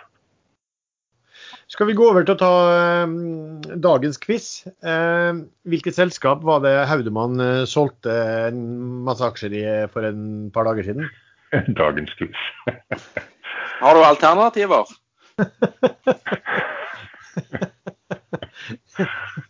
kan vi ikke ta dagens Kahoot? ja, vi tror jeg, jeg vil ha alternativer. Han er jo inne, inne i masse aksjer, han Haudemann.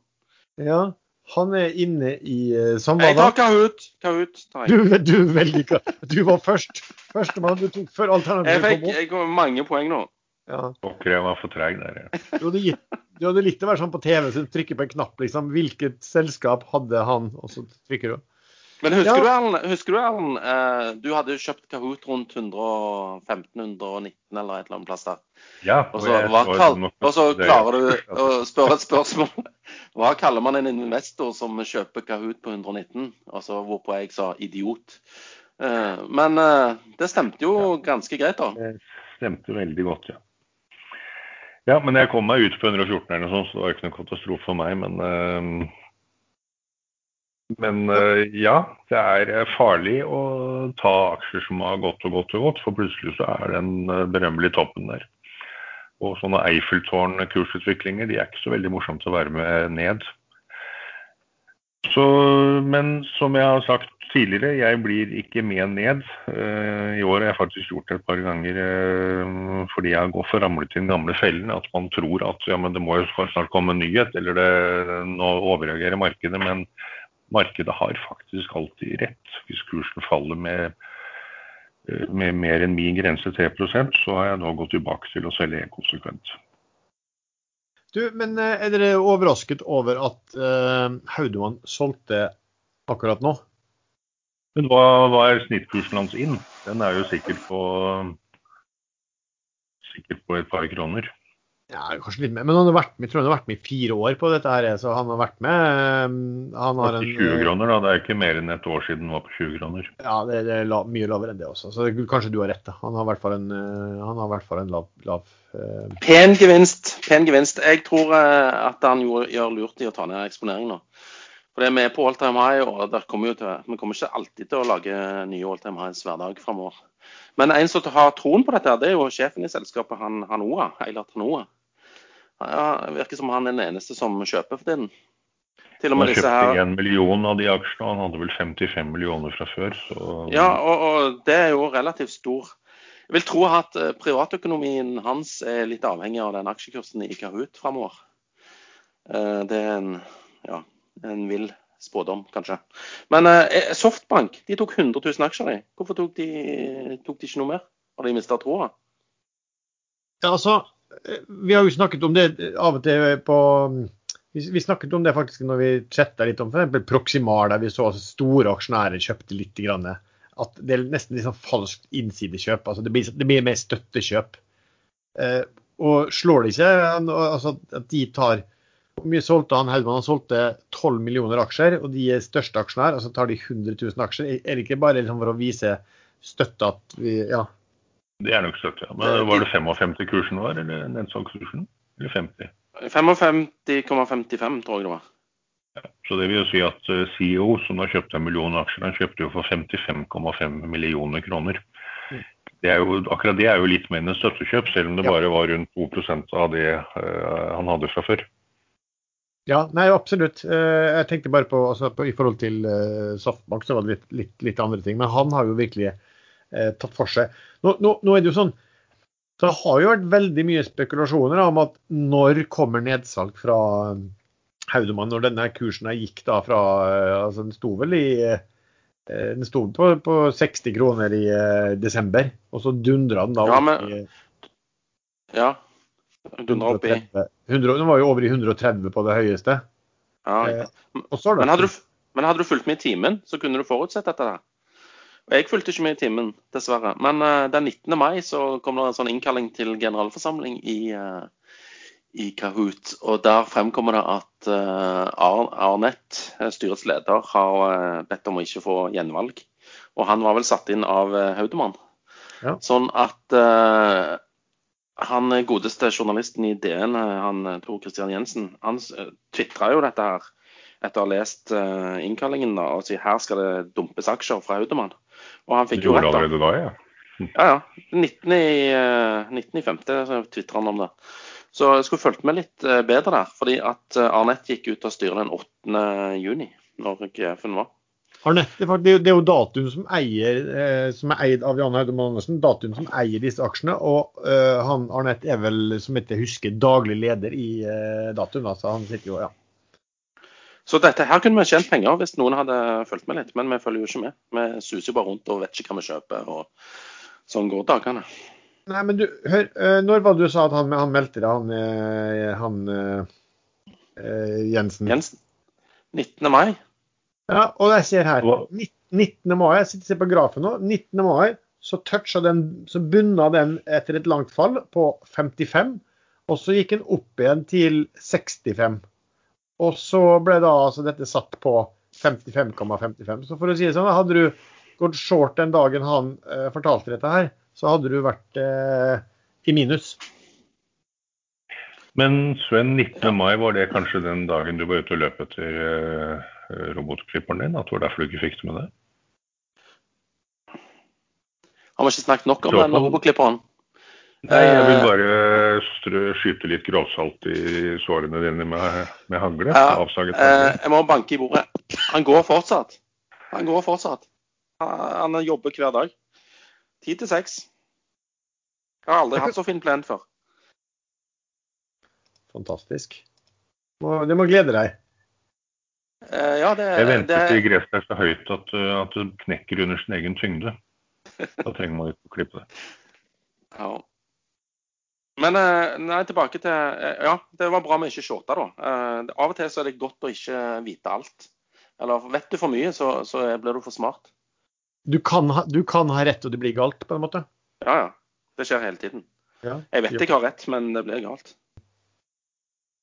Så, sånn er det. Um, ja, det kan jeg forresten nevne. Dere har jo spurt eh, om hva som skjer her ute på antivaksineland. Jeg faktisk fikk faktisk eh, sprøytestikk i går. Se på det. Um, jeg trodde jo faktisk at Fikk dere sånn innkalling til eh, vaksine, eller? Ja, jeg fikk jo Ja. eh, en telefon, ja. Fra Ja. Sånn var det tydeligvis ikke her, da, forstår jeg. Da måtte du, da måtte du melde deg på sjøl, på en måte. Det var jo bare å gjøre det, og da var det sprøyte. Og ikke sto det masse antivaksere utenfor, så du, jeg slapp å slåss meg gjennom inngangen, på en måte. ja, nei, men De kan jo ikke ha sånn uh, telefonoppringning på Nesodden hvor da sitter jo sentralbordoperatør da, han og trekker ut ledningen og nekter å videreformidle den samtalen til beboerne. Avlytting til uh, antivaks, antivakspolitiet. Sånn er det. Um, skal vi se, Nå har vi jo fått masse spørsmål fra, fra um, ulike lyttere. Harmony Chain. Noen som har fulgt med på hva som har skjedd der? Du har tradet det, Sven. Fortell. Jeg har tradet uh, på Harmony Chain, ja. Fordi at uh, den har beveget seg noe sinnssykt opp og ned. eh, mest ned fordi at uh, største konkurrenten de noensinne kan ha, Bitmain, har funnet opp det som Harmony Chain sa de skulle finne opp. Og så har de funnet opp det allerede og selger produktet. Så plutselig Jeg vet ikke hva Harmony Chain har tenkt å gjøre nå, da. Fordi at eh, deres revolusjonerende produkt er jo nå gammeldags, og de har allerede Eller de har ikke tenkt å begynne å bygge de engang. Så jeg tipper de skifter fokus eh, og finner på noe annet lurt. Eh, aksjen dette- falt Dette tyder jo også på at eh, det er veldig mange som har harselert med Harmony Chains påstander om at de kan finne opp dette produktet, og sagt at det er umulig. Eh, og plutselig er det et annet selskap som gjør det. Så, Det har ikke jeg sagt. Jeg har bare sagt at jeg forstår ikke hva de holder på med. Og eh, jeg forstår fortsatt ikke hva disse konkurrentene Bitmain holder på med. Men det er noen sånne eh, maskiner basert på noe sånn script-språk eller et eller annet sånt, som skal mine Litecoin og Dogecoin og gud verdens coin whatever-opplegg. Så, men eh, Ja, jeg tar det videre. Du, du kan dette, Allen. Jeg kan det ikke. Nei, jeg kan det ikke. Jeg har ikke aksjer i Harman Jeg hadde en periode og solgte de med tap ned til 1,50 de siste. Uh, og det er faktisk fordi jeg har sett at sånne selskap som, uh, som er litt diffuse. Uh, det man tror er en absolutt bunn, som man absolutt kunne tro at rundt 1,50 var den gangen. Emisjonen var jo på to kroner. Eller, Nei, 1,80. 1,80, ja. Så 1,50 var liksom billig, men det, det, er ingen, det, er ingen, bunn i sånne selskap når bunnen først ramler ut. Det er bare tryner og tryn. Så jeg tok et lite tap og kom meg ut og gjorde noe annet isteden. Uh, så nå avventer jeg til jeg ser hva Harmnerchen kommer med. Uh, hvis de kommer med noe nytt og det er fantastisk, uh, så kanskje kursen er på 2,50 før jeg kjøper igjen. Det er bedre å kjøpe noe som er i oppovergående trend enn i nedadgående. Men selv om jeg kjenner ikke, jeg, som du kjenner, men, men, selv om en, disse Bitmain, da, som er en veldig stor aktør, har kommet opp med noe, noe mm, produkter som, som i, i, i, i, konkurranse med hva Harmony har tenkt å gjøre, det betyr jo ikke at altså sånn, isolert seg at løpet er kjørt. Selv, selv om det kommer opp et produkt eh, i et område du skal satse på, så betyr det jo ikke at løpet er kjørt hvis du klarer å levere eh, et eh, minst like bra, eller bedre produkt eller et, et, like bra produkt billigere. Så det er jo ikke liksom Det blir jo interessant å se om de kommer opp med noen ting eh, for å fortelle hvorfor de likevel har livets rett. Jo, men fra å være monopolist til å bli en kriger om marginer, det, det var jo ikke akkurat det de hadde sett for seg. Eh, nei, jeg vet ikke hva de hadde sett for seg. Men de hadde jo snakket om disse i et intervju om disse bitmen før, at de måtte være så hemmelige med ting. For, for at ellers så kom disse bitmen til å kanskje høre, finne ut hva de holdt på med, og rappe folk fra leverandører og bla, bla. Det var sikkert det som skjedde. Eh, det var, det var kostnaden for å, prisen for å gå på børs. Bitmain rappa ideen og putta sammen noen bokser i Kina, og så vips, så var de forbi. Ja. Uh, annet spørsmål jeg har fått spørsmål om, eh, Erlend, som du har, har hvert fall brukt å kunne litt om, om, eh, om Lifecare. Er det noen sånn status på den? Her må jeg passe på så ikke jeg eh, kommer med injurierende uttalelser. Men det selskapet, det er butikk i butikk i butikken. Det har det vært siden før jul i 2019. Da tidligere styreformann Sævre var med på å starte opp en, et selskap i Tyskland som het uh, Digital uh, Noe med DD, i hvert fall. Uh, slik en eierandel i det, for en slik var ingenting. Og så gikk det et par måneder, så kjøpte da Lifecare seg inn i dette selskapet. Dvs. Si de betalte ikke for sin 25% eierandel, men de ga fra seg IP-rettigheter. IP-rettigheter til uh, teknologien bak seg selv. Eh, for å lage sånne hurtigtester mot covid. Og Det hørtes jo fantastisk ut, men så kom det da fram plutselig at uh, Sævre og, og flere andre i ledelsen hadde da til sammen rundt 25% av det selskapet. Og hvor de hadde fått de fra, det tok det ganske lang tid før det kom fram i pressen. At det var uh, fra da de startet det selskapet. Så jeg vet ikke om det er ulovlig å sitte som CEO eller som styreformann i et selskap, starte et nytt selskap, få en eh, stor eierandel i det, eh, for så å kjøpe dette selskapet inn i det selskapet han er styreformann i. Eh, men det er grisestygt. Dette er en eierandel som aksjonærene skulle hatt, ikke styret og ledelsen. Og den sens Covid-sensoren den ble det jo aldri noe av. Den skulle de masseprodusere, selge flere millioner av rundt juni i fjor, og det skjedde aldri. Eh, og i desember var det vel, så, så kom det vel fram noen nyheter om at de faktisk ennå ikke hadde begynt å teste denne sensoren. Den fantes ikke, det var kun digitale bilder av den som var lagt ut på hjemmesiden. Eh, veldig bra laget, men de som kan sånn, de så med en gang at dette er ikke bilde av et ferdig produkt. Det er et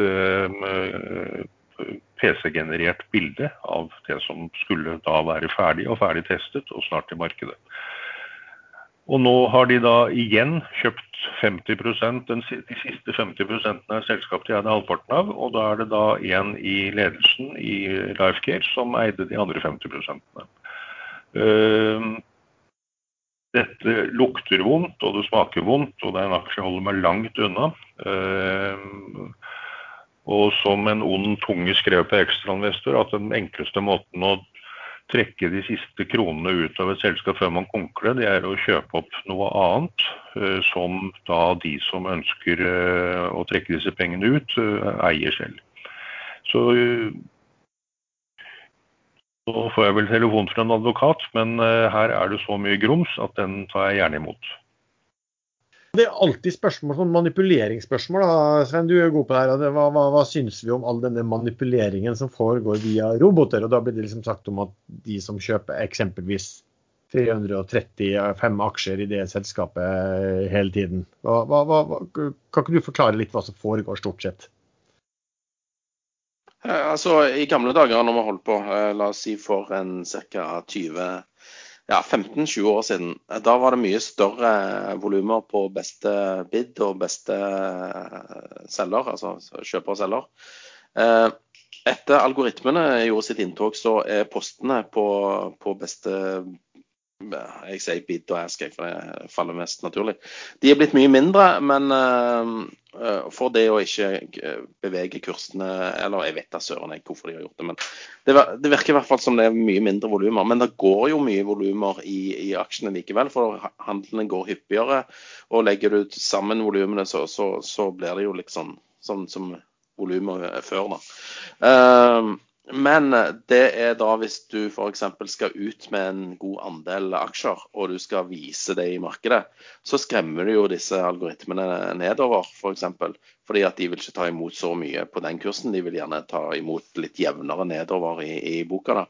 Så hvis du da eh, en privatperson og sitter og handler litt større volumer, så anbefaler jeg å dele opp ordrene, eventuelt eh, ringe Tore i Pareto og få deg en eh, algoritme som kan gjøre drittjobben for deg, liksom.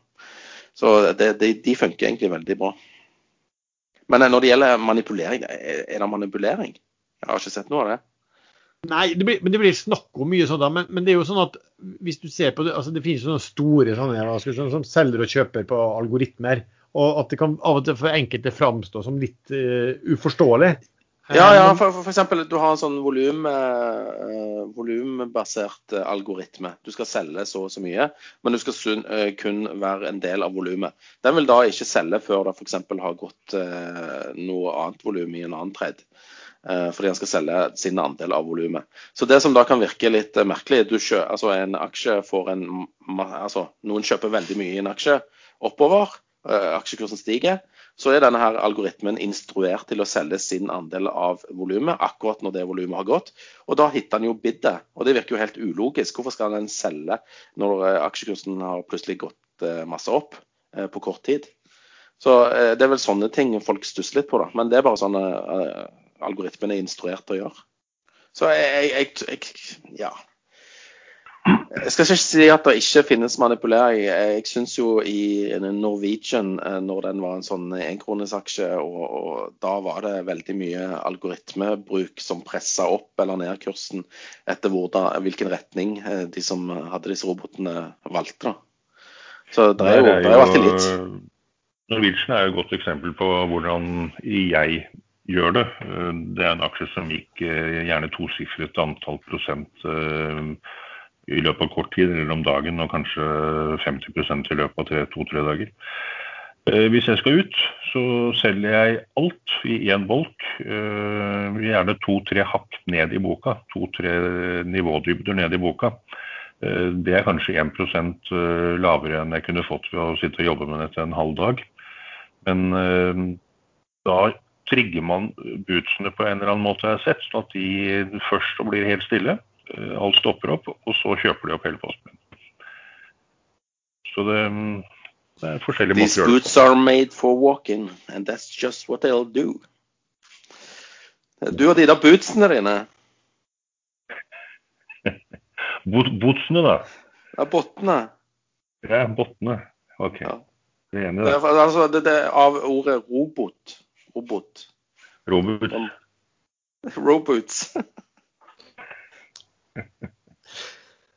Eh, et spørsmål her har vi fått også, eh, er om hvorfor er Petronor så billig, skrev vedkommende, med oljeprisen på 75 dollar. Det, det, at en, det, at en, aksje står i én krone, betyr ikke at den er billig. Det er mitt, min input. Ja. Så... I forhold til de som regner Nav på den, så, så er den jo billig. Sparebank1 Marked har vel kursmål to kroner på den. Det er to ting. Det er en reparasjonsemisjon som kommer nå, så det er en del som får aksjer på 1,10. Og mange av de har allerede solgt seg ut. Eh, men eh, allikevel så vet markedet at kursen har en tendens til å dra seg ned mot emisjonskurs. Jeg tror selv ikke den gjør det. Men det er, det er en annen ting jeg leste av nå nettopp. Det er at uh, Penora, Penoro og Penor har jo en avtale om at Penor skal overta Aia-feltet, og noe av betalingen gjøres opp i aksjer til Penn-aksjonærene. Og Da kan man jo spørre seg hvor langsiktig vil en Penn-aksjonær være i Penor? Sveås er jo storaksjonær i Penor. Hva gjør han eh, i Penn? Hva gjør han med de aksjene f.eks.? Så øh, jeg tenker som logisk at her får man en bunke ufrivillige aksjonærer, øh, og at de kommer til å selge kursen ned i Penor. Men det kan jo være feil, og den øh, dealen er visst ikke gjennom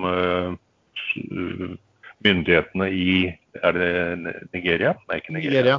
Nigeria. ja. Nigeria. Og det er vel to år siden den prosessen startet, så når, når dette skjer, aner jeg ikke. Det er akkurat det. Jeg kjenner jo godt til eh, det Arger-feltet. Det, det, er riktig. Altså, dette tar veldig lang tid med disse myndighetene. Nå har de vel håper om at man skal begynne å nærme seg å få, uh, å få godkjennelse. Men ja, det er et, et, av flere land hvor det slett ting går ganske sakte. Og det er slett ikke lett å få de, de um, tillatelsene fra ulike aktører, myndighetsaktører, for å si det sånn. Der finnes det noen muligheter for å smøre det maskineriet, tror du? Jeg, jeg, tror, vet du, jeg tror egentlig den type selskap er blitt veldig forsiktig med hva man gjør, altså. For at det slår så hardt tilbake. på Ja, ja. Det, det, var bare sånn. Men, ja, men eh, jeg tror nok at eh, jeg tror kanskje heller at det finnes en del sånn shady aktører som, som kanskje ikke er børsnotert.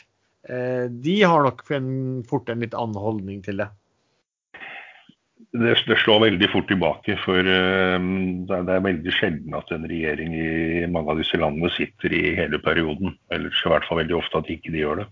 Så hvis man da har brukt uh, noen bunker med brune konvolutter for å smøre uh, den og den ministeren, så er det plutselig en annen minister som overtar, så man da enten må begynne å smøre igjen, eller så er det noen andre som smører allerede har smurt den ministeren. Så jeg tror dette er veldig overlevd. Det er ikke så mye av det som det sikkert var for 15-20 år siden. Men Petronor de er også opp, eh, så var de opp ca. 2% i år.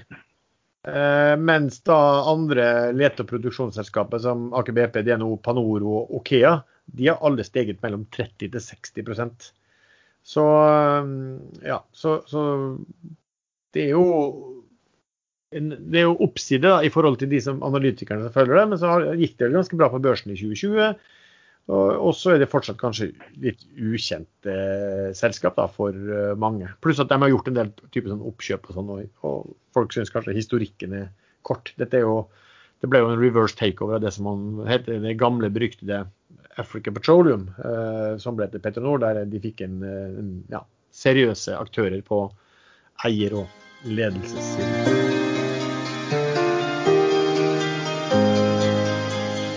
Førstkommende tirsdag 29.6 klokken 15.00 kommer Fotokurs toppledelse til live event via ekstrainvestor.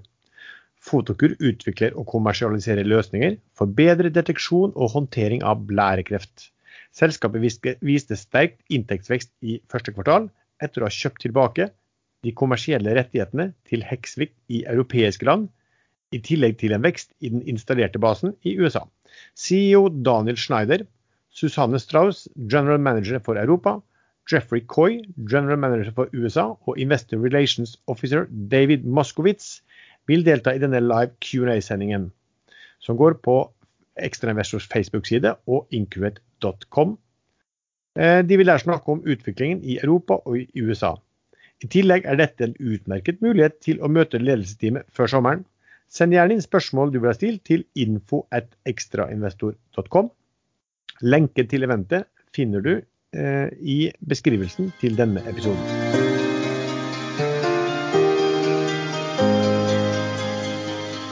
Sen, hva, hva har du som du syns er spennende for i uken som kommer? Jeg ser for meg en eh, rolig, rolig sommerbørsuke også neste uke. Um, håper kanskje at uh, Aksis kommer med noen nyheter, men det er kanskje litt for uh, prematurt å håpe på det allerede. Da må de ha gjort mye jobb i forkant, og det har de kanskje ikke. Uh, kommer det innsidekjøp, som sagt, så hiver jeg den ut. Uh, Pga. at det tar ting litt lengre tid. Ellers så har Fearnley kommet med oppdateringer på riggsektoren og har initiert dekning av både Diamond og uh, Valaris med kursmål på henholdsvis 9 og 55 dollar for Valaris. Så kanskje Valaris vil uh, ta seg et nytt jafs oppover, fordi at den har konsolidert en stund rundt 28 til, til 29 nå. Jeg solgte den jo rundt 29 sist, så mulig jeg hopper inn i den igjen. Og blir med til 32, som egentlig var endestasjonen for min del. Ellers så har jeg eh, veldig lite på, på blokka. Eh, traden min i uh, Bonheur, som jeg gjorde på 2,43 der, den ligger nå 2,42 til 2,43. Så det er veldig stille og rolig. Kjedelig opplegg. Jeg kunne liksom håpe på at du kunne hatt noe annet ting å gjøre på, gjort på, liksom, f.eks. å gå ut og klippe plenen. Men jeg trenger ikke det heller, så da nei. Litt kjedelig. Erlend? Ja, jeg regner med at uh, Axis nå har begynt å konsolidere ferdig her nede. Det kom en reparasjonsemisjon på 200 millioner aksjer. Det er ca. 10% av det totale antallet nå. Litt mer enn 10% av det nye antallet, og litt under 10% av totalt antall. Så jeg tror ikke det vil eh, tynge kursen så veldig. Det er vel også noe av det som har gjort at kursen har faktisk falt ned til 13,10. Eh, var vel eh, laveste i går, og siden den kom de nye aksjene, de forrige emisjonsaksjene kom. Så jeg tipper den vil jobbe seg sakte opp. Og så ligger det jo verdier i selskapet som uh, forsvarer uh, kursen. De har vel rundt 100 millioner kroner igjen etter at all gjeld er betalt og båten solgt og gjeld enten betalt eller konvertert i aksjer. Verdiene ligger jo da i disse to bibliotekene. og nedskrevet verdi er vel forsvarer vel rundt 17 øre kurs, og nå er kursen på 13,70, så jeg ser ikke den helt store nedsiden her. Uh, Innen et par-tre-fire uker så tror jeg man gjør en kjempedeal i Aksis. Ellers noe annet, eh, Erlend? Nei, egentlig ikke. Jeg så Softox kom med melding om at de har fått uh, Eh, veldig gode resultater på en av disse sårsalve, ikke sårsalven, men på en øh, noe man skyller, renser sår med.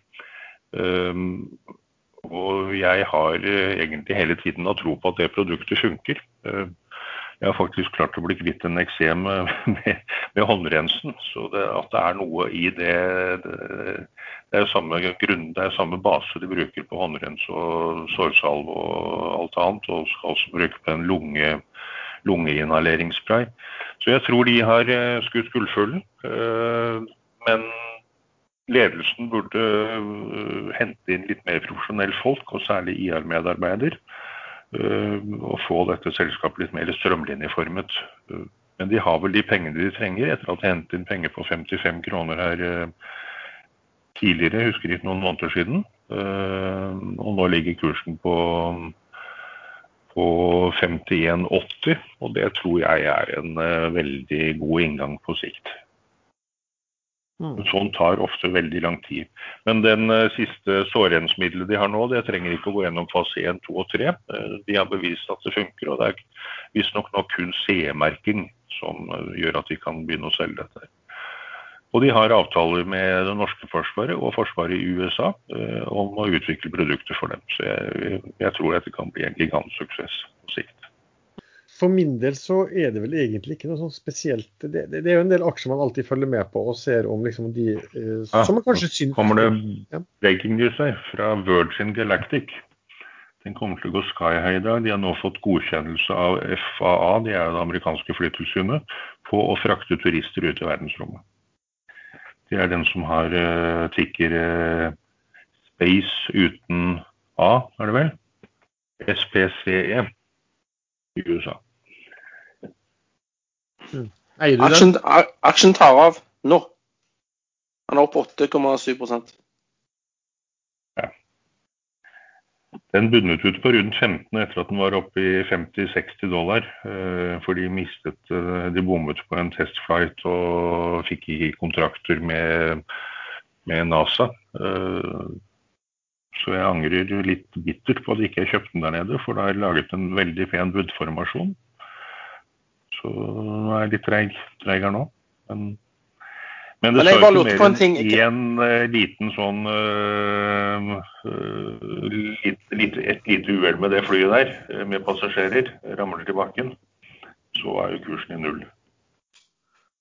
Men eh, jeg lurte på en liten ting. Sånn space-turisme. Hva er det du skal da? Skal du litt nærmere sola for å få bli litt brunere, eller hva er caset?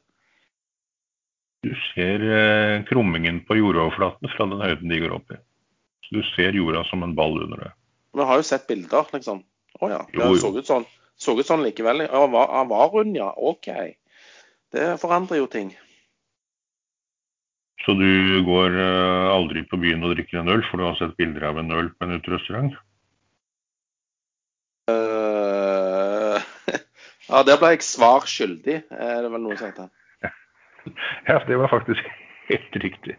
Vi kunne trukket den mye lenger, men eh, vi stopper der. Ja, ja. Nei, jeg, jeg ser poenget ditt. Det er Folk er syke. OK. Eh, for min del, eh, nå så jeg jo at som sagt, så kom jo Fearnley og tok opp dekning på Valaris også. Det var vel litt sånn som vi har spådd, at nå kom meglerhusene til å, å komme ned, det. Og både de og Sparebank1 har jo vært veldig positive til den. Den kursen har jo den steg veldig mye, falt litt tilbake og har steget og gått opp igjen. Så den var, var vel toucha vel nesten eh, 30 dollar i går. Um, og så lenge den fortsetter å gå sånn, og oljeprisen går, så, så ser jo det veldig bra ut.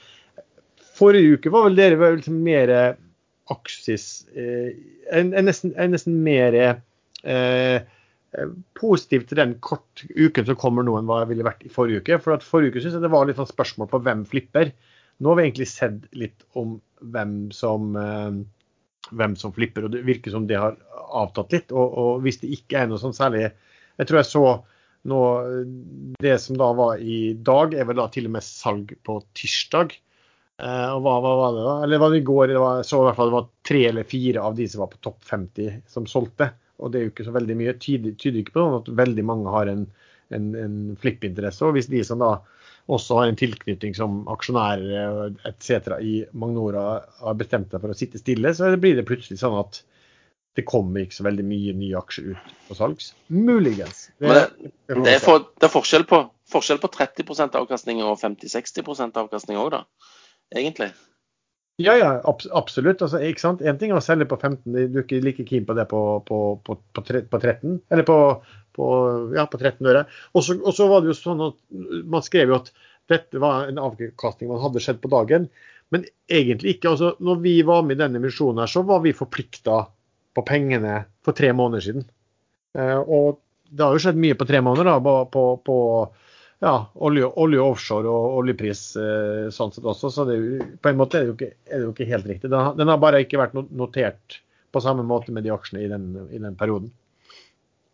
Eh, Men det er også sånne aksjer de, de går jo ofte som karuseller opp og ned, og det omsettes enormt antall aksjer, selv om det egentlig ikke er så øh, mange som selger ut eller nye som kjøper. Øh, så det vil si at de samme aksjene rulleres hele tiden. Det er egentlig ikke tilfellet her. Det er vel sånn kjapp hoderegning 300 millioner første dagen, 90 andre dagen, 150 i tredje dagen. Og så etter det har det ikke vært sånn veldig høy omsetning i aksjen. Uh, og mesteparten, eller la oss si en tredjedel av det, det, det vet vi er nedsalg. Så her er det tatt imot veldig mye fra folk som uh, holder. Men da skal jeg jo si at uh, jeg skal ikke dette inn på denne at jeg sier at det her blir langsiktig. Det her kan selges uh, fort. Det. Det, hvis det kommer noen nyheter eller man ser noe i markedet som, som gjør at uh, det er noe endring på det. Jeg har en liten sånn teori om hva de skal eh, Hva det selskapet der skal inn på for eh, området. Eh, uten at jeg skal si det her i, i, i, i i en åpen setting. Den er slem, men uh, det er sikkert greit å, å holde de der konspirasjonsteoriene for seg selv. ja, kan jo av og til, kan jo av og til være at ting blir verre å få gjort, da. Hvis, du, hvis måte, noen har vært og uh, pratet om det i uh, forkant også. Uten at det ja. Det er faktisk helt korrekt. Hvis, uh, hvis en plan lekkes før den er signert, så blokkerer det ofte signeringen. Men jeg vet jo ikke. Du, ellers bare sånn, For de som har noen interesse av kanskje en aksje som man kan være kjedelig, som, som, ikke har noen ting med kommende uker og i, litt i, i framtiden, så så jeg også kjapt på den derre eh, hva heter det, Integrated IWS, Integrated Wind Solutions, er det vel, som et Avilco-selskap. De er også priser under hva, hva, hva de henta i cash eh, til selskapet, eh, som er altså ledet av Avilco, hvor de, eh, de, skal, altså de har fartøy og skal gi service til eh, vind, vind, vind, vindparker. Um, de har bestilt to skip, annet, og det ene skipet har de allerede fått um, kontrakt på som er på ett og et halvt år. Uh, CEO-en tok for 2,5 millioner kroner på 40, på 40 kroner i, i, i uh, når, den, når, den, gikk på børs. Så, og den så vel noen andre liksom toneangivende eksperter i Finansavisen og alt der, som sa at den, den syntes de var bra. Så det, det kan, men det, det, er helt sikkert ikke noe sånn lite likviditet. så Hvis man skal eie det, så er det fort at man kan, hvis man syns at det er et bra team, de er bra posisjonert i et marked, de har troen på det, så kan man jo kanskje kjøpe det og legge det i skuffen og ta fram om to år, kanskje. Ja, jeg har glemt ut. Jeg har kjøpt en annen aksje òg, så jeg har glemt å nevne. Jeg har jo kjøpt Sunndal Sparebank. Jeg kjøpte i går på 121. Jeg kjøpte 3500 aksjer i eh, Sunndal Sparebank, så nå bør, bør, de levere resultater framover. Ja. Men nå, det, nå, skal du, eh, nå, skal du, opp og reise du, til, til, til Sunndalen? Nei, jeg skal jo ikke det, men jeg skal hjelpe dem med å hente penger. For de skal gjøre en emisjon på 104. Fortrinnsrettsemisjon. Så jeg kjøpte aksjer for å få tegningsretter. Mm. Så jeg skal hjelpe næringslivet der oppe på Nordvestlandet med å, med å bli, bli, litt bedre. og og, få hjulene litt i gang der oppe. Jeg syns det går litt tregt. Men når, det, når, går den X retter til, eh, til fortrinnsrettsemisjonen? Jeg gjorde det i dag, gitt. Den gjorde det i dag, altså? Det var ja, det var... ja, ja. And it's gone, liksom? Kjøpte i går, jeg. jeg tror på, ellers hadde du ikke sagt det, skal vi si. Nei, jeg hadde jo ikke gitt folk sånne ideer og tjene penger på min, min bekostning, liksom. Nei, dere får kjøpe tegningsretter i markedet og tegne aksjer, men ikke tegne for mye. Det vil vi ikke ha noe av. Du er ikke sånn, du er ikke så snill som meg. Du, jeg, jeg eier ikke Sofstock selv, men snakker varmt om aksjen. Ja, det, du, det, er sikkert noe som har noe på deg for noe med den kremen. hmm.